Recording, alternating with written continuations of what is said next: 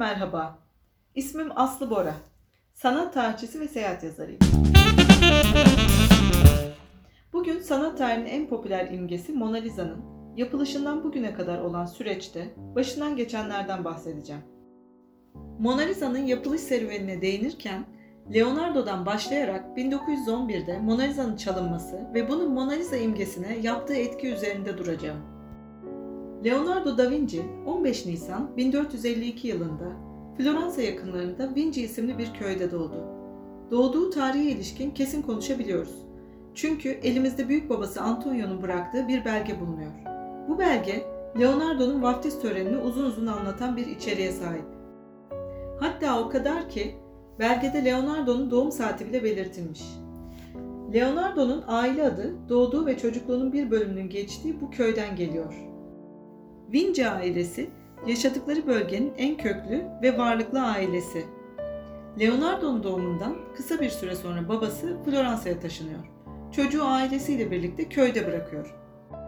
Floransa bu dönemde ekonomik olarak gelişen bir şehir. Leonardo'nun babası Serpiero ve büyük babası Antonio noter. Floransa finansal olarak geliştiğinden aileye daha iyi imkanlar sunuyor. Babası Floransa'dayken Leonardo doğa ile iç içe bir çocukluk geçiriyor. Babası ilerleyen süreçte Leonardo'yu da Floransa'ya yanına alıyor. Bu dönemde şehri ekonomik ve idari olarak domine eden en önemli güç Medici ailesi. Etkin oldukları bir diğer alan sanat. Leonardo da Vinci Floransa'ya geldiğinde Floransa Rönesans'ın etkili merkezlerinden biri konumunda ve birçok sanatçı için gerçek bir cazibe merkezi. Ailesi Leonardo'nun en baştan edebiyat ve müziğe yönelik bir eğitim almasını teşvik ediyor. Bir süre sonra babası yaptığı çizimleri fark ediyor ve vakit kaybetmeden bunları dönemin ünlü ressamı Verrocchio'ya gösteriyor. Verrocchio'nun atölyesi çağın ruhuna uygun olarak farklı alanların çalışıldığı kalabalık bir sanat ve üretim alanıdır.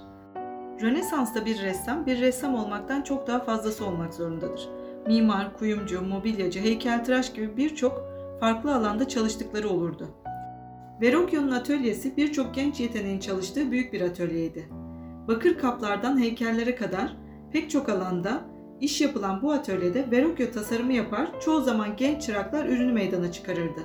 Verrocchio, Leonardo'yu atölyesine kabul ettiğinde Leonardo 9 yaşındaydı ve 5 yıl boyunca burada çalışacaktı. Kendisinden başka Perugino, Botticelli, Lorenzo di Credi gibi isimler de bu atölyenin çırakları arasındaydı.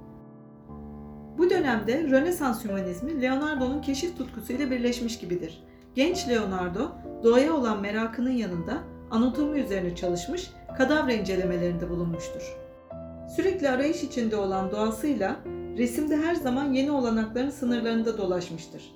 Erken dönem eserlerinden itibaren ayrıntı konusunda titizliği, renkleri birbirine bağlarken uyguladığı teknik ve yumuşak hatlarıyla üslubunu ortaya koyar.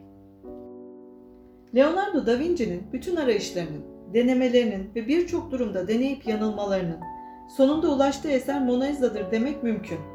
Sanatçının geç dönem eserlerinden olan Mona Lisa'nın 1503 civarında tamamlandığı sanılmaktadır. Yapıldığı zamandan bu yana hakkında sayısız teori öne sürülen bu tablo, sanat tarihinin en şöhretli imgelerinin liste başında yer alır. Mona Lisa ile ilgili ilk karmaşa resmedilen figürün kimliği ile alakalıdır. Giorgio Vasari, Rönesans dönemi sanatçılarının yaşam öykülerini anlattığı Hayatlar adlı eserinde tablonun Toskanalı bir ipek tüccarı olan Francesco del Giogiondo'nun karısı Lisa di Gherardini olduğunu öne sürmüştür. Bu meyanda tartışma konusu olan tek kimliğin Liza de Gherardini olmadığını belirtmek gerekir. Ancak e, buradaki kimlik karmaşası e, bu kimliğin gizemli tarafı tablonun e, esrarengiz e, doğasını daha da e, abartmış ve popülaritesinin artmasına neden olmuştur. Figürün kimliğine ilişkin bir diğer yorumda Leonardo'nun ideal kadın figürünü resmettiği yahut annesinin portresi olabileceği öne sürülür. Mona Lisa'nın yüzündeki ifade, gülümseyişi, ellerinin pozisyonu oldukça muğlaktır. Ellerini sanki o an üst üste koymuş gibidir. Gülümsüyor mu, hüzünlü mü, kaygılı mı tam bir muammadır. Figürün kimliği ve pozundaki gizemli halin yanında tablodaki en önemli yenilik Rönesans resminde alışılagelmiş katı çizgiselliğin yerini yumuşak geçişlere bırakmış olmasıdır. Figürü ve arkasındaki manzarayı şekillendiren konturların eridiği, renklerin birbirine geçerek yumuşak hatlar oluşturduğunu görürüz. Dumansı bir etki yaratan bu teknik sfumato olarak anılır. Sfumato resimde daha doğal bir etki yaratır. Ve Leonardo bu tekniğin yaratıcısı olarak kabul edilir. Resim sanatında ışık kadar gölgenin de önem kazanmasını ve araştırılmasını sağlayan bu yöntem, Leonardo'nun ardından çağdaşları arasında ve sonraki dönemlerde sıklıkla kullanılmıştır. Mona Lisa yüzlerce yıldır kendi mitlerini yaratmış ve bir ikon haline gelmiş bir eser. Burada Leonardo'nun yaratıcı dehasının rolü yatsınamaz. Ama 20. yüzyılda resmin başından geçen bazı olaylar da buna biraz olsun katkı sağlamış olabilir. Bu olaylardan en şaşırtıcı olanı 21 Ağustos 1911'de gerçekleşir.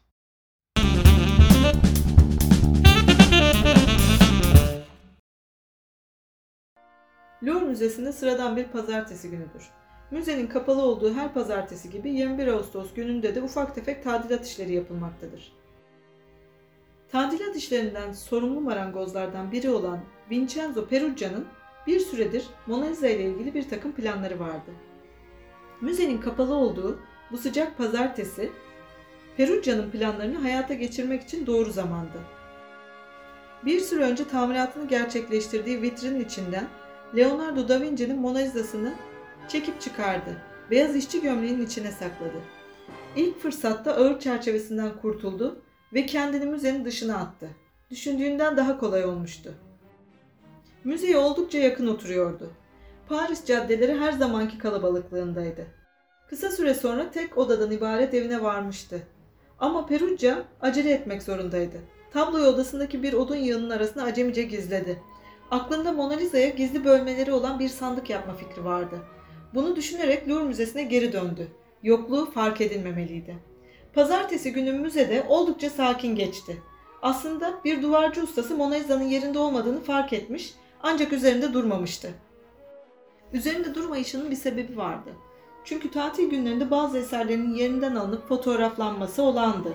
Dahası tamirat olduğunda hasar görmesin diye bir müze yetkilisi de tablo, tabloyu kaldırmış olabilirdi de. Ertesi gün yani tablo kaybolduktan 24 saat sonra Mona Lisa'nın yokluğu fark edildi. Yıllık izne çıkan müze çalışanları da dahil bütün Louvre personeli çağrıldı. Onlarca dedektif ve polis olay mahallini didik didik etti. Bir anda Fransa ve Avrupa'nın tek gündemi Mona Lisa olmuştu. Basın olağanüstü ilgi gösteriyordu. Mona Lisa manşetlerden inmiyor, posterleri, kartpostalları kapış kapış satılıyordu. Mona Lisa müzeden çıkıp gündelik hayatın bir parçası haline gelmişti. Çikolata paketlerinin bile üstüne Mona Lisa basılıyordu. Sinema salonlarında film arasında perdeye yansıyan yine Mona Lisa'ydı. Bir anda 1911'in en popüler kadını haline gelmişti. İşin ilginç yanı tablo ortada yoktu ama geride bıraktığı boşluğu görmek üzere insanlar müzenin önünde uzun kuyruklar oluşturuyordu. Kafka bile Mona Lisa'nın boşluğunu görmeye gelenler arasındaydı. Louvre yetkililerine göre boşluğu merak eden birçok kişi büyük ihtimalle Mona Lisa orada asılıyken bir kere bile müzeye uğramamıştı. Ortalık bu kadar karışıkken Vincenzo Perugia küçük odasında Mona Lisa ile iki yıl geçirdi. En sonunda tabloyu aldı ve Floransa'ya gitti. Burada Uffizi Galeri'nin müdürüyle pazarlık etti. Fakat bu girişim yakalanmasını sağladı. Mahkemeye çıkarıldığında kendini yurtsever bir İtalyan olarak tanıttı. Savunmasını Napolyon'un Louvre Müzesi için başka ülkelerin ve özellikle İtalya'nın kültür mirasını yağmalaması üzerine kurdu. Perugia İtalya'ya hizmet ettiğini savunuyordu. Çünkü Perugia kendisinin sadece zamanında Napolyon tarafından çalınan bir eseri ana yurduna geri kazandırmak isteyen biri olduğu konusunda ısrarcıydı. Savunma sağlam değildi. Zaten mahkeme Perugia'nın akli dengesinin bozuk olduğunu düşünmeye başlamıştı. Üstelik savunma önemli bir hata içeriyordu. Mona Lisa'yı Louvre'a getiren Napolyon değildi. Bizzat Leonardo da Vinci tarafından vakti zamanında hem arkadaşı hem de hamisi olan Kral 1. François'a satılmıştı. Sonuçta Perugia bir yıllık bir ceza ile kurtuldu. Bunun da yalnızca 7 ayını hapiste geçirdi.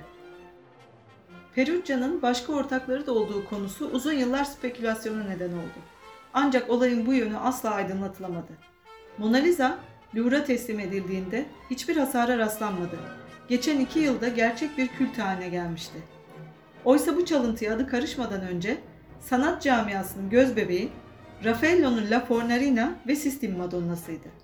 Elbette Mona Lisa da önemli bir eserdi ama sarsılmaz yükselişi ve rakiplerini geride bırakıp ikonik bir imge haline gelmesi çalınmasının mucizevi bir sonucuydu. Mona Lisa soruşturması için polis elinden geleni yapmıştı. Onlarca kişi, müze personelinin tamamı sorgulanmıştı. Sorgulamalar arasında Vincenzo Peruggia'nın da olduğunu biliyoruz. Louvre yetkilileri güvenlik amacıyla çalınma olayından 10 ay kadar önce bir dizi güvenlik tedbiri almaya karar vermişti. Bu tedbirlerden biri büyük ustalara ait eserlerin bir cam içinde sergilenmesini içeriyordu. Ve bu iş için seçilen dört müze yetkilisinden biri Peruggia'ydı. Dolayısıyla o da sorgulandı. Şüpheleri üzerine çekmemişti. 73 bin metrekare bir alanda kurulu. Bu yaklaşık 10 futbol sahası büyüklüğe denk gelir. Zaten sadece müzenin aranması haftalar sürmüştür. Birçok kişi sorgulandı demiştim. Bunların arasında Paris'in o çağdaki en önemli ressamlarından Pablo Picasso da vardı. Üstelik Picasso Perugia kadar şanslı değildi. Uzun yıllardır Louvre'a dadanmış bir hırsız, Paris entelektüelleri içinde nam salmıştı. Bu hırsız Mona Lisa ortadan kaybolduktan sonra gazetelerce haber yapılmaya başlandı. Polis sorgusunda taşıması kolay küçük heykelleri çaldığını da itiraf etti. Heykelleri sattığı kişileri de bir bir anlattı. Çalıntı eser alanlar listesi uzayıp gidiyordu. Ancak içlerinden bir isim oldukça dikkat çekiciydi. Bu dikkat çeken isim o dönem 29 yaşında olan Pablo Picasso'ydu.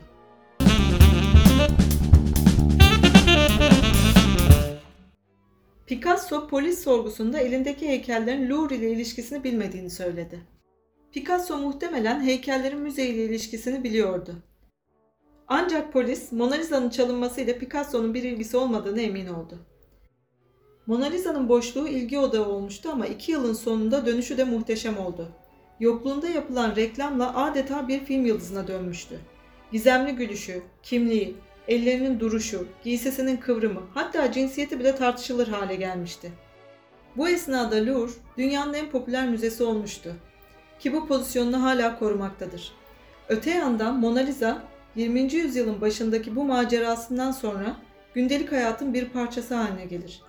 20. yüzyılın her şeyi ters yüz eden sanat ortamında Andy Warhol'dan başlayarak günümüze kadar birçok sanatçı Mona Lisa'yı yeniden kendi üslubunda yorumlamıştır sayısız filme, romana, şiire ilham kaynağı olmuştur. Mona Lisa, iletişimin kısıtlı imkanlarla yürütüldüğü bir devirde çalınmış ve bu olayı hasarsız atlatmayı başarmıştır. Bugün bulunduğu konumda Leonardo da Vinci'nin dehası yatsınamaz. Ama Vincenzo Peruggia'nın sansasyonel girişiminin de payı olduğu muhakkaktır.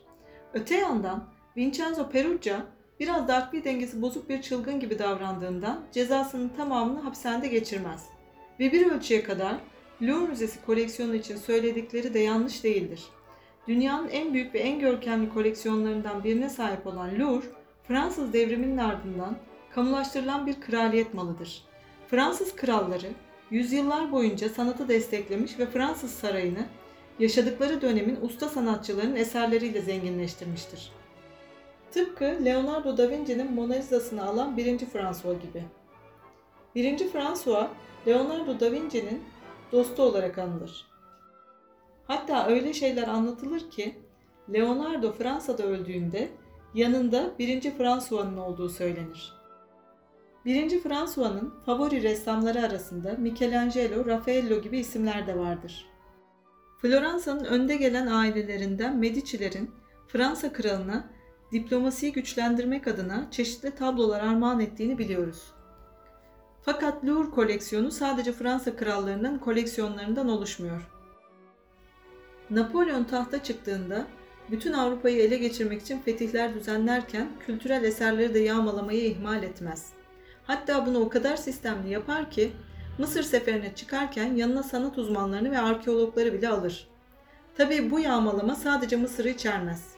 Belçika, Almanya, İtalya gibi Avrupalı komşular da Napolyon'un kültürel yağmasından kurtulamaz.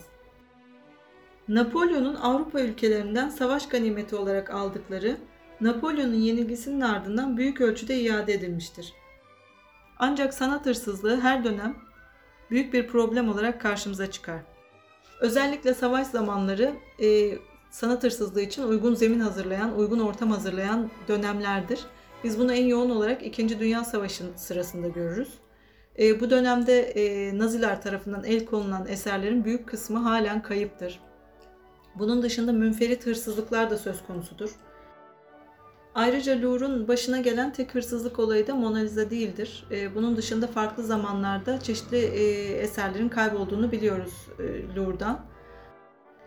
E, günümüzde kaybolan eserlerden yeni bir müze kurulacak olsa içinde çok değerli isimlere ait resimlerin ve heykellerin ve başka birçok kültür hazinesinin bulunacağına hiç şüphe yoktur.